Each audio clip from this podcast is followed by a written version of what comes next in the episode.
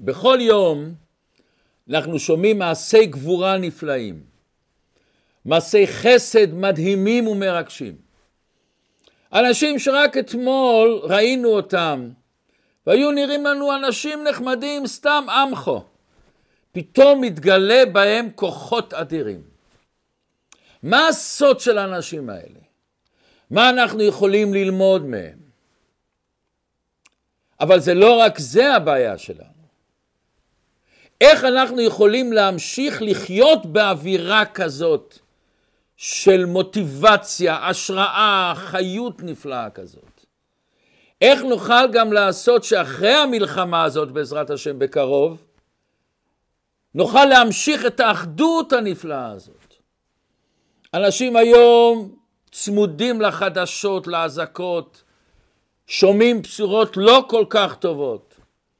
אנשים לא יוצאים מהבית. מהיכן נוכל לקבל השראה, חיות, ליצור ולחיות חיים מלאים, חיים מלאי מוטיבציה וחיות. היום אנחנו נשוחח קצת איך עושים את זה. איך אנחנו יכולים להתרומם מעל המצב ולקבל חיות בחיים שלנו עכשיו, גם בזמנים האלה. אבל לפני שמתחילים, כמו בכל פעם, אנחנו מבקשים לעשות את הלייקים, לשתף את השיעור עם אנשים אחרים, לכתוב תגובות, להפיץ שיעורי תורה בכל מקום ובכל מצב שאפשר. ועכשיו נחזור לשאלה הגדולה הזאת ששאלנו. יש לנו את האמרה המפורסמת שאומר בעל התניא שצריך לחיות עם הזמן. מה זה לחיות עם הזמן? עם פרשת השבוע. אז בפרשת השבוע אנחנו מתחילים לספר על אברהם אבינו. והתורה, הדבר ראשון שהתורה אומרת על אברהם אבינו, מה? גילוי של הקדוש ברוך הוא לאברהם אבינו. ויאמר השם אל אברהם, לך לך מארצך וממולדתך ומבית אביך אל הארץ אשר אראך. ופה באה מיד השאלה הגדולה, אברהם אבינו היה באותו זמן, אומרת התורה, בן 75. התורה לא מספרת על אברהם אבינו את כל ההיסטוריה שלו. איך הוא הגיע לאמונה. מי היה אבא שלו תרח? היה הסיטונאי המפורסם שמכר עבודה זרה. את כל הסיפורים האלה על ההיסטוריה של אברהם אבינו זה כתוב בתורה שבעל פה. למה התורה פתאום מתחילה לספר על אברהם אבינו בן 75 שנה בציווי של לך לך? השאלה יותר גדולה, אנחנו מכירים מה שכתוב בספרים הקדושים במאור עיניים ועוד בספרים, וזה הזוהר מדבר על זה, שהתורה היא נצחית בכל מצב ולכל אדם. והתורה ישנה אצלנו בחיים שלנו עכשיו, היום. אז בואו נבין איך שייך המאמר הזה של הקדוש ברוך הוא לאברהם, לך לך מארצך בכל אדם, בכל זמן. בפרט אנשים שחיים בארץ הקודש, מה אז להם אומרים לך לך, מאיפה? זה הארץ שלי. ובפרט שכל דבר שקורה לאברהם אבינו שהוא אבות אבי העם ישראל, זה גם בשבילנו, הזוהר הקדוש אומר שמה שהתורה מספרת לך לך זה על כל יהודי, שהקדוש ברוך הוא אומר לנשמה שלו רד לעולם הזה ולך לך.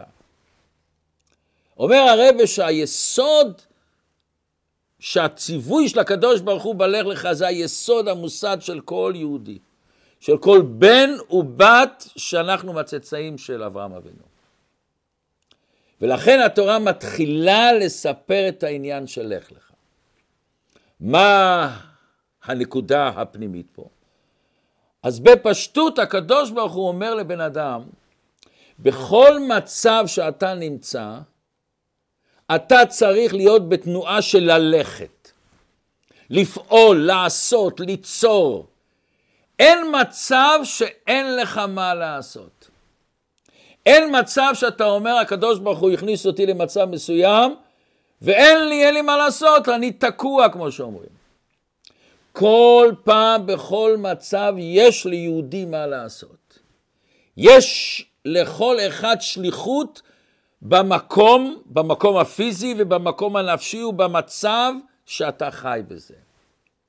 ולכן כתוב שעם ישראל נקראים מהלכים. המלאכים נקראים עומדים, מכיוון שהמהות של יהודי זה הליכה. המהות של מלאך הוא נשאר, המלאך עושה הרבה דברים, אבל המלאך לא יוצר דברים, אין לו בחירה חופשית, הוא פשוט רובוט שהשם שולח אותו לכל מיני מצבים. רק יהודי הוא עצמו, המהות שלו הוא מהלך. הוא יכול חלילה לעמוד, אבל הוא יכול ללכת. יש אחד מהסופרים הגדולים באמריקה, קוראים לו הרמן ווק. ופעם עשו בבית הלבן יום הולדת לרבה מלובביץ', וכל אחד דיבר והגדיר את הגדלות של הרבה, את מה שהוא עשה. אז הרמן ווק בתוך הנאום שלו אמר, אני רוצה להגדיר מה שאצלי הרבה מלובביץ'. אז הוא אומר, אם היו באים המדענים והיו אומרים שכל ערי הקרח, כל המקומות בקוטב הצפוני הדרומי, קרח, קרח, פתאום בא חום בעולם והכל נמס, כמו שהיום כבר מדברים על הנושא הזה. ואז אומרים לנו, תוך חודשיים, הכל הקרח נהיה מים ויש שיטפון אדיר, מבול, מבול על כל העולם, וכל העולם הוא מתחת למים. אז הוא אומר, אני חושב שכל הצדיקים, הרבנים היו אומרים להתפלל ולהגיד תהילים ולעשות צומות ולעשות צדקה ולבטל את רוע הגזרה. אומר, אני חושב שאם היו שואלים את הרבה מה לעשות, הרבה היה אומר גם להתפלל ולהגיד תהילים, אבל אז הרבה אומר, יש לנו חודשיים ללמוד איך לחיות מתחת למים. מה העומק פה? עומק פה הרבה תמיד ידע שיהודי הוא לך לך, אין מצב שאין לך לך ליהודי. ולכן אנחנו נלמד לחיות מתחת למים. דבר ראשון, אתה צריך לעשות משהו. אתה לא רק מתפלל להשם, ברור שתתפלל להשם, הוא ייתן את השפע. אבל וברך השם בכל אשר תעשה, אתה צריך לעשות, אתה צריך לעשות את הכלים. אז אתה תלמד לחיות מתחת למים, ואז השם ישלח את הברכה, ואז לך לך. תגלה מה שיש לך. כל אחד מאיתנו וכל אחת מאיתנו יש לה שליחות. יש לנו מה ליצור, לגלות את האור. אלי ויזל אמר פעם סיפור מרגש מאוד. הוא פעם היה באיזה דרשה, באיזה הרצאה שלו, ובסוף ההרצאה אנשים שאלו שאלות. ואז אישה אחת, שאני לא זוכר את שמה עכשיו, הרימה את היד ואומרת, אלי ויזל, אתה אולי מכיר את אבא שלי? הוא היה איתך בתוך מחנה ההשמדה, באותו מחנה ההשמדה. אז אלי ויזל שואל מה השם שלו, אבא שלה. היא אומרת את השם. ואז אלי ויזל נהיה לבן. ואז אלי ויזל אומר, את יודעת, אבא שלך הציל אותי, הציל אותי מהשואה. מאיפה? איך? מה? הוא מספר. היינו במחנה ההשמדה וכל אחד מכיר את הסיפורים. לא רצינו לחיות, לא רצינו לחיות. איזה חיים זה מהבוקר עד הלילה ואנחנו, אנש... הנאצים מרשימם, הורגים אנשים כמו זבובים, זה נורא ואיום היה. ואני כבר החלטתי, אני הולך לגמור עם החיים שלי. אותו יום שבאתי אחרי העבודה, סחוט לגמרי, נשכבתי במיטה. במיטה. בלוקים של עץ שבכל חתיכה ישבו, ישנו שש או שמונה אנשים. ואז פתאום, אחרי שהנאצי בא ובדק ויצא החוצה, פתאום אני שומע ניגון, שיר. מי שר בכזה מקום חשוך? מי יכול לנגן ניגון בכזה מקום מזוהם, שפל, שחור, שכולו, כולו, כולו צער וסבל? ואני מסתכל, ואני מחפש את היהודי הזה, וזה אבא שלך. ואני אומר לאבא שלך, איך אתה יכול לשיר במקום כזה, ריבונו של עולם, איך? אז הוא אומר, תראה, הנאצים יכולים לקחת ממני את הכל. את המשפחה שלי, את החיים שלי, אבל הם לא יכולים לקחת ממני את השמחת חיים. הם לא יכולים לקחת ממני את המודה אני לפניך שהחזרת בנשמתי שאני חי. זה הם לא יכולים לקחת ממני, וזה הם לא ייקחו ממני. אבא שלך הציל אותי. זאת אומרת, גם במקום כזה של מחנות השמדה, אין מה לעשות. אתה רובוט, אומרים לך מתי לקום, מתי... לא, לא, לא, לא, לא, לא, לא, תמיד יש לך מה לעשות. תמיד יש לך את הבחירה. שואל שאלה, איך בדיוק עושים את זה? איך מקבלים כזאת השראה? איך מקבלים כאלה עוצמות? איך אפשר? איך אפשר לעשות את זה? איך אפשר לשיר גם באושיץ? אז אנחנו יודעים, אחד הכללים הגדולים שהאדמו"ר הזקן בספר התניא אומר, מוח שליט על הלב. אולי בפעם אחרת ניכנס לזה עוד יותר בהרחבה, אבל בואו נראה היום פרט אחד. זאת אומרת, כל הרגשה שיש לי, כל תנועה בלב שיש לי, מתחילה עם המודעות של המוח. כשאני נמשך לאוכל מסוים, אני בא, אני רואה אוכל מסוים, אז אני נמשך אליו. מה השורש? מודעות בשכל. אני יודע שזה אוכל, ואני יודע שהאוכל הזה או בריא או טעים וכולי וכולי, ולכן אני נמשך. זאת אומרת, כל רגש מתחיל מאיזה מודעות במוח. כשאני מפחד ממשהו, למה? המודעות במוח אומרת לי שמאש יכול לשרוף.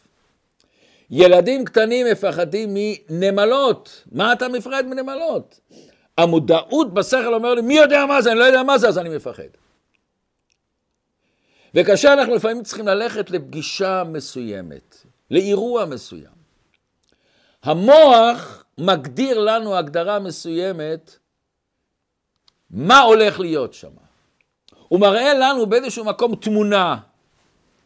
ואם המוח מראה לי במודעות שלי שהמוקם, שהמקום הזה, הפגישה הזאת היא לא מעניינת, שיש שם בן אדם שאני לא רוצה להיפגש איתו, שיש שם מישהו שישאל ממני את החוב שיש לי, או לא חשוב מה שיהיה. ברגע שאני מגדיר במוח את המצב שלא כדאי לי להיות שם, המוח מיד תוקע אותנו, מוציא מאיתנו את כל החיות והשמחה והמוטיבציה. ואני לא רוצה ללכת לשם. גם אם אני אלך לשם, שאני חייב, אבל אני הולך כמי שאין לי ברירה, כפייה. המוח יש לו תפקיד מיוחד מאוד להגדיר דברים. אבל אם אני מגדיר את הדבר המסוים הזה כלא טוב, כמשעמם, כדבר שלילי, כדבר שיכול להביא לי עצבות, אני מיד הופך את עצמי לחסר חיות והתלהבות. למה? במוח יש לי תמונה שלילית. במוח יש לי חוסר אמונה, חוסר אה, החיות, חוסר הרגשה. אני מרגיש שלדבר הזה אין ערך בשבילי. ואז המוח שלנו מיד עוצר אותנו מהדבר. אתה נמצא בחיים לא מעניינים, לא כדאי לך להיות שם. והמוח לפעמים עד כדי כך עוצר אותנו לא רק לעשות מעשה, ללכת לאיזה מקום, להיפגש עם מישהו. הוא יכול לעצור לי, את כל החיים שלי יכול לעצור לי.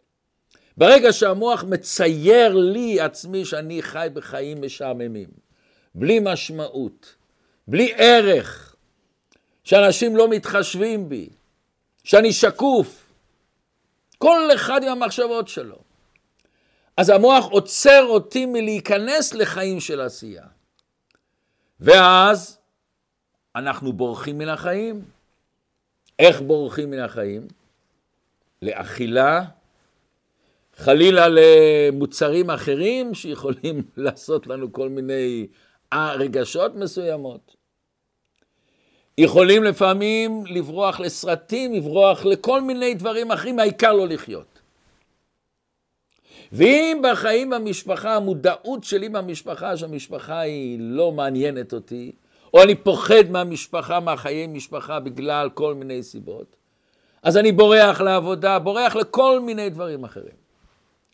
ואני מאבד את כל האנרגיה שלי. זאת אומרת, הכל מתחיל מהמוח. הוא מגדיר והוא עושה לנו תמונה. והוא בעצם כלי שרת בשבילנו. המוח אומר, אני מגדיר לך. אני לא לוקח ממך את החיות, אבל בעצם הוא זה שנותן לי מבט שלילי על דברים מסוימים. וברגע שאני מסתכל דבר שלילי, ממילא אני מאבד את כל החיות והמוטיבציה. בעומק הדבר, הדבר עצמו, המאורע עצמו, שאני צריך ללכת למקום מסוים, או לפגישה מסוימת, או לחיות חיים מסוימים. לא המאורע עצמו מוציא ממני את החיות ואת ההשראה ואת ההתלהבות. מי יוציא ממני המוח? זה שהוא נותן לי תמונה מסוימת של דבר. ומההגדרה הזאת, מהמודעות הזאת של הדבר המסוים הזה, זה עובר ללב, לרגש, ומונע ממני לעשות את הדבר. ואם אני מוכרח, אני עושה, אבל בלי חשק יבש לגמרי. אבל לעומת זאת, עם המודעות והתמונה שיש לי בראש, שאם אני אעשה את הדבר המסוים הזה, או שאלך למקום המסוים הזה, אני עושה טוב, אני אפגוש אנשים מעניינים. אני אעשה איזה חסד שם לאנשים, אני אעשה דבר שנותן משמעות, אני אתן להם אוכל, אני אשמח אותם. ואז פתאום, גם כשאני סחוט ועייף ואני אחרי עבודה, פתאום יש לי כוח. פתאום אני מרים את עצמי פתאום. מאיפה בא הכוח הזה? מאיפה בא הכוח הזה? אני סחוט ועייף. מהמוח. פתאום הוא נותן לי מודעות חיובית. אני רואה תמונה טובה, תמונה שמחה, תמונה חיובית, תמונה שיש בה ערך, וזה יוצר את האנרגיה. אומר הקדוש ברוך הוא לאברהם אבינו, תדע לך, מה הסוד של יהודי? מה הסוד של חיים? מה הסוד של עושר? מה הסוד של מוטיבציה? מה הסוד של התלהבות? מה הסוד של חיים של משמעות? לך לך, תלך. יש לך שליחות בעולם. יש לך שליחות בעולם לגדול, לשנות את העולם, לשנות את האנשים מסביבה, לעזור להם. אם אתה רוצה להתקשר לאין סוף, לבלי גבול, לבורא של הקדוש ברוך הוא. אם אתה רוצה, כמו שאומרים בישראל, לעוף על החיים. אם אתה רוצה להשיג ולעשות את המטרה של הבריאה של העולם, אתה יכול לעשות את זה. ואז אם יש לך את זה, אתה יכול לשבור יעדים. לזרוק כל דבר שנראה לך מחסום, תקרה. אתה פתאום רואה שאין תקרה. ברגע שאנחנו רק משנים את המודעות הפנימית שלנו, את המודעות של לך לך מארצך, זה ייתן המון מוטיבציה, המון חיות, המון אנרגיה. אבל בשביל זה אנחנו צריכים להפנים עמוק עמוק בתוכנו את המודעות החיובית הנפלאה הזאת של שליחות. שלא באנו לעולם לסחוב את החיים, אלא ליצור את החיים. וזה מה ששאלנו מקודם, מאיפה ליהודים היקרים האלה? פתאום באה כזאת אנרגיה, כזאת השראה, כזה מוטיבציה לעשות דברים כאלה נפלאים. מתעורר בהם היהודי הזה. מתעורר בהם כל ההיסטוריה של עם ישראל, כל ההשראה והחיות, ליצור חיים, ליצור קדושה, ליצור טוב. לכן אנחנו חייבים להיות חיוביים, לראות את הטוב שבנו, את השליחות שלנו, והמודעות הזאת זה הדלק לאנרגיה שתיתן לנו חיים אחרים, שתיתן לנו להשיג מטרות שלנו בחיים. לכן מובן עוד דבר מעניין. למה הקדוש ברוך הוא אומר לאברהם אבינו, לך לך? למה הוא לא אומר, לך, לך? מה זה הלך לך? אומר רש"י, ועוד מעט נראה, להנאתך ולטובתך. אבל בחסידות מוסבר עוד הסבר. לך לך. לך לעצמך למקום שתוכל לראות את המהות שלך. לראות את הכוונה העליונה שאתה פה נמצא. לראות את העוצמה והמלכות והכוח והאנרגיה שיש בך. וזה בעצם מה שרש"י מסביר. לך לך להנאתך ולטובתך. אז מסבירים בפשטות, שיהיה לך מזה הנאה, שיהיה לך טוב. אנחנו יודעים שהוא בא לארץ ישראל, פתאום רב בארץ. אבל יש עוד נקודה להנאתך לטובתך. מכיוון שזה המהות שלך וזה השליחות שלך וזה כל הסיבה שאתה חי בעולם הזה, שהביאו אותך לעולם הזה. ברגע שאתה עושה שליחות אתה מקבל משמעות בחיים, ערך בחיים. אתה מקבל עושר. להנאתך ולטובתך. לא כל הנאה שיש לבן אדם זה טוב לו. יש הנאות שלא רוצים לו טוב. אומר הקדוש ברוך הוא, פה יהיה לך שתיים. גם הנאה וזה גם לטובה שלך. גם תרגיש פתאום שיש לך מלכות, שיש לך שליחות, שיש לך מטרה. ולכן אנחנו יודעים היום, כולם מדברים על זה שאושר, אושר גשמי גם, מגיע שאתה מרגיש משמעות בחיים שלך. אוקיי, אז בואו נלמד גמרא מעניינת במסכת ברכות דף ו'. אומרת הגמרא, אמר רבי יוחנן, בשעה שהקדוש ברוך הוא בא בבית הכנסת ולא מצא בה עשרה, מיד הוא כועס. שנאמר, מדוע באתי ואין איש, קראתי ואין עונה. מיד כל אחד שלומד את הגמרא, שאלה עצומה. אנחנו אומרים, בא בבית הכנסת ולא מצא בה עשרה, זאת אומרת שיש אולי תשע, שמונה. מיד הוא כועס, למה? שנאמר, מדוע באתי ואין איש. מה זה ואין איש? יש שמונה אנשים, תשע אנשים. אין את העשירי. אז בפשטות מסבירים מה הכוונה. מכיוון שאין בזה עשרה, אז השכינה לא שרה. אבל בפשטות, ואין איש. בואו תשמעו וורט יפה של הרב קרנמן. זה כל כך מתאים לרב קרנמן שהוא בא אחרי שואה והקים מוסדות תורה גדולים מאוד בבני ברק. לחם ופעל דברים נפלאים. אומר הרב קרנמן, מה הפירוש מדוע באתי ואין איש? איש זה לשון אישיות, בן אדם בעל עוצמה, בעל גבורה. יש תשע אנשים, ואין בין התשע איש שמביא את העשירי שיהיה מניין, אז אין איש, אין איש, אין בעל עוצמה. אנחנו צריכים להיות אנשים, בעלי אישיות, ליצור דברים קדושים. מה לנו יותר נראה מה שהרבה עשה מהפכה עצומה בעולם. אחרי שואה שכל עם ישראל היה במצב רוח, כמו שאומרים, על הפנים. היה מצב שיהודים עזבו את היהדות. והרבה לקח אברכים צעירים ושלח אותם לרחבי העולם. ואמר להם, תבנה בתי חב"ד, תבנה ישיבות, תבנה בתי כנסת, תבנה, תבנה, תעצור, תקרב יהודים. והיו אברכים שאומרים, אני, מה אני מסוגל? אני לא מסוגל לזה. אתה כן מסוגל, רבי. ולכן הקדוש ברוך הוא אומר, לך לך, יש לך עוצמה, תקשיב לקול של הקדוש ברוך הוא שאומר לך, לך לך. תרים את הטלפון ותקשיב לשיחה. יש כזאת סיפור, שפעם איזו אישה בארצות הברית מתקשר אליה מישהו שהיא לא מכירה, אז היא אמרה, או, ודאי זה אחד שרוצה למכור לי דברים. באמריקה מתקשרים, את רוצה מכונית חדשה וזה. לא ענתה, עוד פעם ועוד פעם ועוד פעם. בסוף, בסוף, בסוף, הרימה את הטלפון. תפסיק להתקשר אליי. היא אומרת, לא, רק רציתי להודיע לך שזכית בלוטו חצי מיליון דולר. הקדוש ברוך הוא אומר, יש בך, יש בך, רק תגלה את זה. אבל פה יש דבר נורא מעניין. אחרי שהקדוש ברוך הוא אומר לאברהם אבינו, לך לך, השם מוסיף. השם לא אומר לאברהם לאיפה ללכת, השם אומר לו, אל הארץ אשר אראך.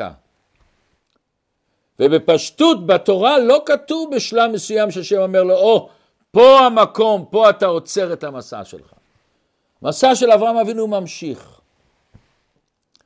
השם אומר לאברהם אבינו, לכל אחד ואחד יש שליחות מיוחדת ומסוימת בחיים. אבל זה לא שליחות אחת ונגמר. אני אביא אותך להרבה מקומות שבכל מקום יהיה לך שליחות. אומר הקדוש ברוך הוא לכל יהודי אל הארץ אשר הרקע, אל תדמה בנפשך, שגלה לך מראש את המקום שאתה צריך ללכת אליו. מהם הדרכים שתצטרך להתמודד איתם? מה האתגרים יהיה לך? זה טמון וגנוז אצל הקדוש ברוך הוא. יודע תעלומות, סתרי כל חי. אבל הקדוש ברוך הוא אומר אל הארץ אשר הרקע, אני לא אעזוב אותך לרגע. בכל האתגרים, בכל המסעות שאתה עושה, אני איתך. אל תחשוב שבעצמך תצטרך להסתדר, אני איתך, אני מחזיק אותך ביד. ולא תאבד את עצמך לא לדעת, אני תמיד אתן לך את ההוראות, את הסימנים, מה המקום שאתה צריך להיות. בכל מקום שאתה נמצא באיזה מצב מסוים, תחפש שם את המסרים שאני אומר לך. לסייע להתגבר על כל המשלוחים, על כל המכשולים שלך. כל מקום זה השליחות שלך. מעשה אבות, סימן לבנים. מה זה מעשה אבות, סימן לבנים? מוסבר בחסידות זה לא רק סימן, זה נתינת כוח לבנים. זה שאברהם אבינו עבר המון מסעות. כתוב ואלה מסעי בני ישראל, לא מסע אחד, מסעות. זו הוראה בשביל כל אחד מאיתנו מה אתה צריך לעשות. ואברהם אבינו סלל לנו את הדרך. הוא היה דוגמה חיה, דוגמה חיה. הוא היה זה שהורה לנו את הדרך שיש לך בכל מקום שאתה נמצא, בכל מצב שאתה נמצא, יש לך שליחות. והשם הביא לנו מצבים שלא חלמנו, כשהיינו בני חמש, עשר, חלמנו עכשיו שאנחנו מסתכלים אחורנית על כל מה שעברנו? מישהו חלם על זה? ומקומות, זה לא מדובר דווקא מקומות פיזיים, מקומות בנפש שלנו, האתגרים בנפש שלנו. מישהו חלם להיות במקומות הנפשיים שלנו, מה שאנחנו עוברים עכשיו, היום? מישהו חלם על מצע כזה? זה חלק מהשליחות שלנו. חלק מהמצב שלנו היום, איך להתנהג במצב הזה היום. עכשיו, מאיפה יש לנו באמת את, את הכוחות האלה? לפעמים נראה שאני לא מסוגל. התפרסם בזמן האחרון וידוי, אם אפשר לקרוא לזה, של אחד בשם יאיר אנסבכר, חייל בצבא. והוא אומר, הרבה פעמים התפללתי כמו אוטומט. הייתי עסוק בזה, אנחנו מתפללים כמו אוטומט. איך אומרים שבן אדם לפעמים מתפלל את כל התפילה, הוא זוכר אותה כבר בעל פה, הוא לא צריך לחשוב חוץ במקום אחד שאומרים היום יום ראשון בשבת, היום יום שני בשבת, פה הוא צריך לחשוב. הוא אומר, אבל הבעיה הגדולה שלי התחילה בלילה, אחרי הלילה הראשון. אחרי הלילה הראשון, נגמר הלילה הזה, אז התחיל. אחרי כל מה שעברנו, מגיע הבוקר. מה יהודי עושה בבוקר? מי מתפלל? אני לא רוצה להתפלל. אני לא מוצא בלב שלי כוח לדבר עם הקדוש ברוך אני ברוגז, קשה לי. אתה מסוגל להבין מה זה אומר? קשה לי, קשה לי לדבר איתו, זה כמו לטפס, הוא אומר, על קיר חלק. מה עושים במצב כזה? מה עושים במצב כזה? אז יש מי, מי שלא מכיר, יש סט ספרים של אגרות קודש. לקחו המון מכתבים של הרבי מלובביץ' ושמו אותם בסדרת ספרים גדולה. והרבה אנשים יש שהם במצב ככה שלא יודעים מה לעשות, פותחים את הספר ומתפללים שהשם ישלח להם בדיוק את התשובה הנכונה. ואני פותח את הספר, אגרות קודש, ואני מקבל צמרמורת. אני שואל את הקדוש ברוך הוא, איך אני יכול להתפלל שחרית? איך מתפללים? ואני רואה בדיוק במכתב אחד שואל את הרבה, איך מתפללים? איך מסוגלים להתפלל? אני לא יכול, אין לי הרגשה לזה. אומר הרבה, אומר לו הרבה, שמה? ישים עצמו כאיש אחר. זאת אומרת, תשכח שאתה חיים, אתה יצחק, אתה, תשכח מהשם שלך. תחשוב רק, אתה איש ישראל, אני יהודי. אתה לא אתה, אתה לא אתה. כל מה שקשה לך בגלל שאתה אתה. בגלל שאתה מרגיש שאתה עני. וזה נורמלי וזה מובן מאליו שכואב לך.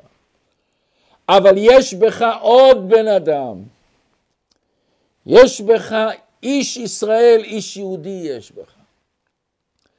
יש לך משהו שאין לו שם. חלק אלוקה ממעל ממש. אתה שתי ישויות, יש את האני עם השמות שלך, עם כל, עם כל ההיסטוריה שלך, ויש את הנשמה הטהורה שלך. ואז הוא אומר, פתאום תפסתי, אני לא יאיר אנסבכר. אני יהודי בן אברהם. אני יהודי בן אברהם ששם אמר לו, לך לך אל הארץ אשר הרקע. זה לא, זה לא ניסיון פשוט ללכת שאני לא יודע. אבל עכשיו אני נלחם, וזה נותן לי כוח. אומר אותו יאיר, נעמדתי והתפללתי. אני עכשיו יהודי, אני לא יאיר. ניתקתי את עצמי מהאני שלי. דיברתי עם הקדוש ברוך הוא, התחננתי. ביקשתי, ריבונו של העולם, תעשה ישועה לעם ישראל. ואז הוא אומר, אתה יודע מה קורה? התחיל לרדת גשם.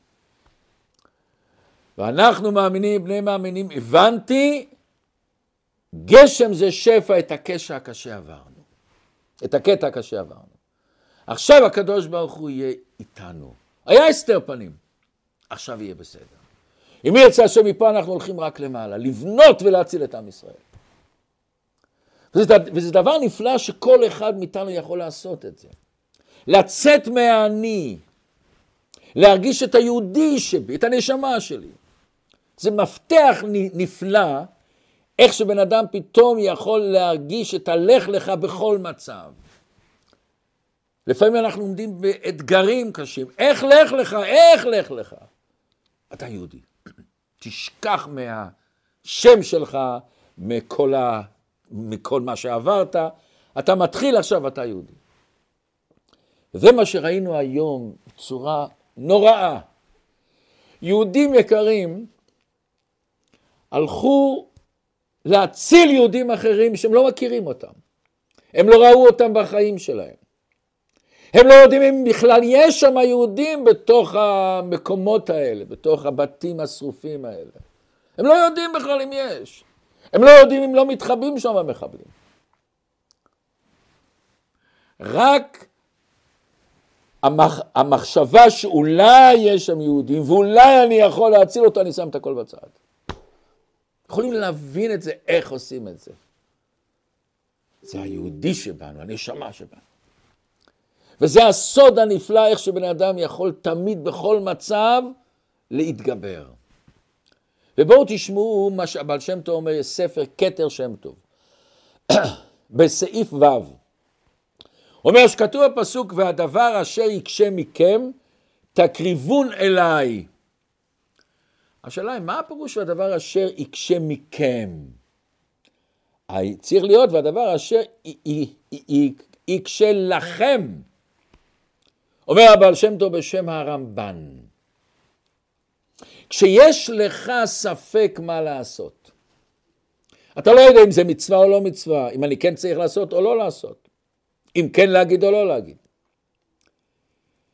הספק הזה מתחיל מכם, מזה שיש לך איזה אינטרס, יש לך איזה הנאה מהדבר. הדבר ראשון הוא אומר, תסלק את המכם. תסלק עד כמה שאתה יכול את ההנאה שלך, את הכבוד שלך, את האינטרס שלך. ואחרי זה תגלה את היהודי שבך. תשכח רגע את השם שלך. ורק תחשוב מה היהודי שבך רוצה. זה לא קל, אבל זה נפלא לעשות את זה. ואז פתאום תראה איך שהשם מודיע לך את האמת. ותלך לבטח. הדבר אשר יקשה מכם, אומר הבעל שם טוב, הוא מקש... למה הוא קשה? מכיוון מכם. אבל ברגע שיש לך את המחשבה לשם שמיים בלי שום פנייה ואינטרס, אתה מוצא את התשובה. אשר אומר, תמיד אני איתך. אני מוליך אותך ומביא אותך למקומות ששם תוכל לגדול, ששם תוכל לטובתך ולהנאתך. ואנחנו יודעים שטובה זה לא הנאה והנאה זה לא טובה, גם טובה וגם הנאה. זה מה שאנחנו אומרים, ברוך אתה השם אלוקינו מלך העולם, בורא נפשות רבות וחסרונם, על כל מה שבראת, להחיות בהם. אני מודה מה שהשם עשה, מה זה החסרונם הזה? למה אני מודה על החיסרון? החיסרון הוא הדרך שאני בו יכול ליצור אור בעולם. ליצור עולם יותר טוב. ישר נוכל להבין את המדרש על הלך לך. אומר המדרש, אל הארץ אשר אראך. הוא שואל, למה לא גילה לו מיד לאיפה הוא צריך להגיע? למה הוא אמר לו אל הארץ אשר אראך? עונה המדרש, כדי לחבבה בעיניו, וליתן לו שכר על כל פסיעה ופסיעה. ולכאורה זה לא מובן. בוא נגיד שהקדוש ברוך הוא היה אומר לאברהם אבינו איפה הוא צריך לבוא. ללכת אז ממקום למקום לא היה פשוט. וללכת עם כל המשפחה, ועם כל הדברים, ואין כמו היום מכוניות, הלכו עם גמלים, ב, ב, עם השודדים וכולי וכולי. אז גם היה לו הרבה פסיעות עד שהוא היה מגיע אל הארץ אשר הרקע. אם השם היה אומר לו לאיפה. אז גם זה היה לו שכר על כל פסיעה ופסיעה? מה זה שהוא, לכן הוא לא גילה לו? העומק פה, אם אני הולך למקום מסוים, אני יודע שהשליחות שלי שם. הפסיעות שאני הולך עד שאני מגיע לשם זה רק הכנה למקום השני. אז נכון שזה אני מקבל שכר, זה יפה מאוד, זה טוב מאוד, אבל בעצם אני צריך להיות שם. יש הרבה אנשים שחושבים, אני רוצה להגיע שם. אז אם שם כל הדרך שאני מגיע לשם, זה כלום, זה רק אין ברירה, אני צריך ללכת. מהקדוש ברוך הוא לא. כל פסיעה ופסיעה, כל מקום ומקום שאתה נמצא, שם אתה צריך להיות, שם יש לך את השליחות. שם זה הלך לך, שם האתגרים שלך, שם אתה צריך להפיץ תורה ולהפיץ קדושה ולהפיץ אהבת ישראל ולהפיץ חום ואהבה. המטרה היא פה, המטרה היא לא שם, גם שם, אבל עכשיו זה פה. אם אתה פה, זה המקום שלך.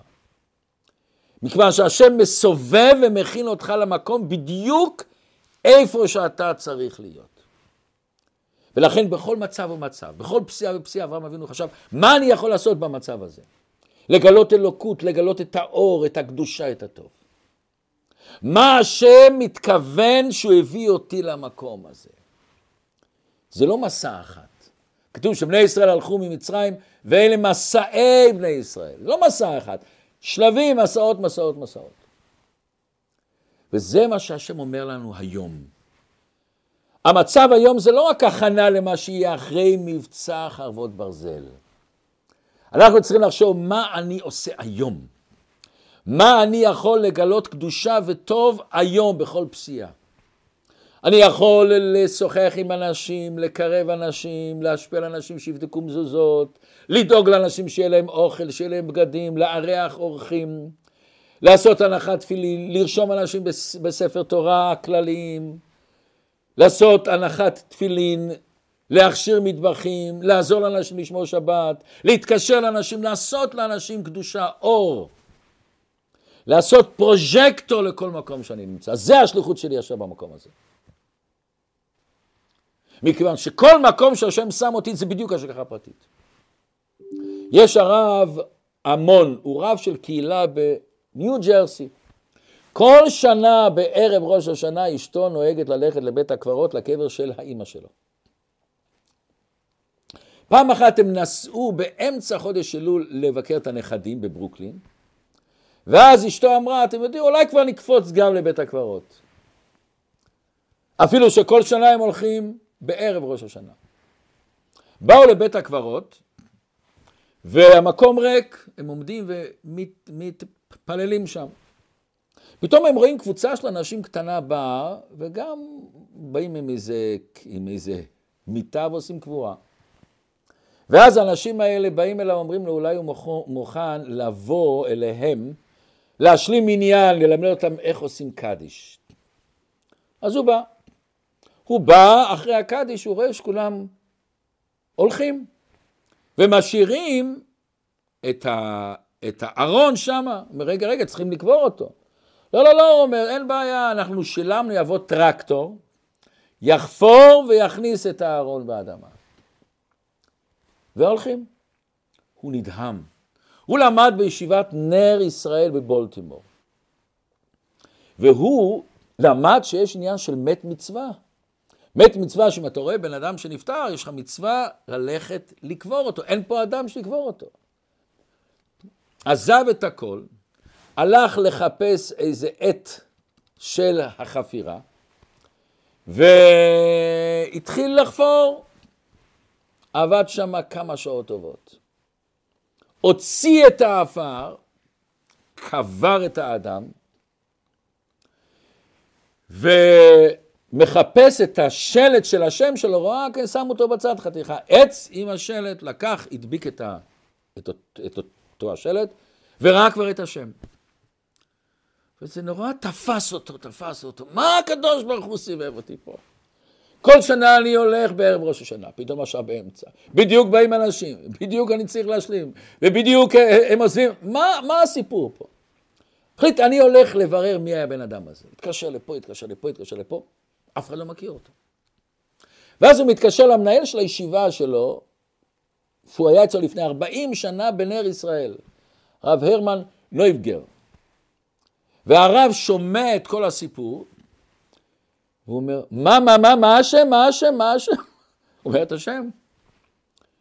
התברר שלרב הזה יש קשר עצום עם אותו נפטר. ומספר לו אותו מנהל של ישיבת נר ישראל, אתה נולדת למשפחה בסיאטל. אבא שלך רצה מאוד לשלוח אותך אל הישיבה ורשם אותך בישיבה, ואמרנו לו את השכר לימוד. אבל תקופה קצרה לפני תחילת הלימודים, פתאום פיטרו אותו מהעבודה, והוא לא יכול לשלם את השכר לימוד. והמנהל של נר ישראל כל כך ראה את הכאב שלו, החליט, אני רוצה לעזור לו. הלך לחפש איזה יהודי עם לב טוב שיהיה מוכן לשלם את השכירות, את השכר לימוד. והוא מצא מישהו. והוא אומר לו, אתה יודע מי היה אותו יהודי? אותו יהודי שקברת. ארבעים שנה אחרי זה הוא התעסק בקבורה שלך. תארו לכם אם הוא לא היה מגיע לשם. תארו לכם אם הוא היה מגיע והם לא היו מבקשים ממנו לבוא. ותארו לכם יותר מזה, אם הוא היה רואה שכולם עוזבים, למה אתה צריך לעבוד, לעבוד? אוקיי, מישהו אחר יבוא ויקבור אותו. כי המקום הזה שאתה נמצא אדמת קודש, זה המקום שהשם רוצה. פה השליחות שלך. פה המצב שהשם זרק אותך. זה בדיוק המקום שאתה צריך להיות. וזה מה שכתוב, אין לך אדם שאין לו מקום. אין לך אדם שאין לו שעה. כל זמן ומקום שאני נמצא, בדיוק שם אני צריך להיות. כתוב בבראשית, פרק כ"ח, ויקץ יעקב משנתו ויאמר אכן יש השם במקום הזה ואנוכי לא ידעתי.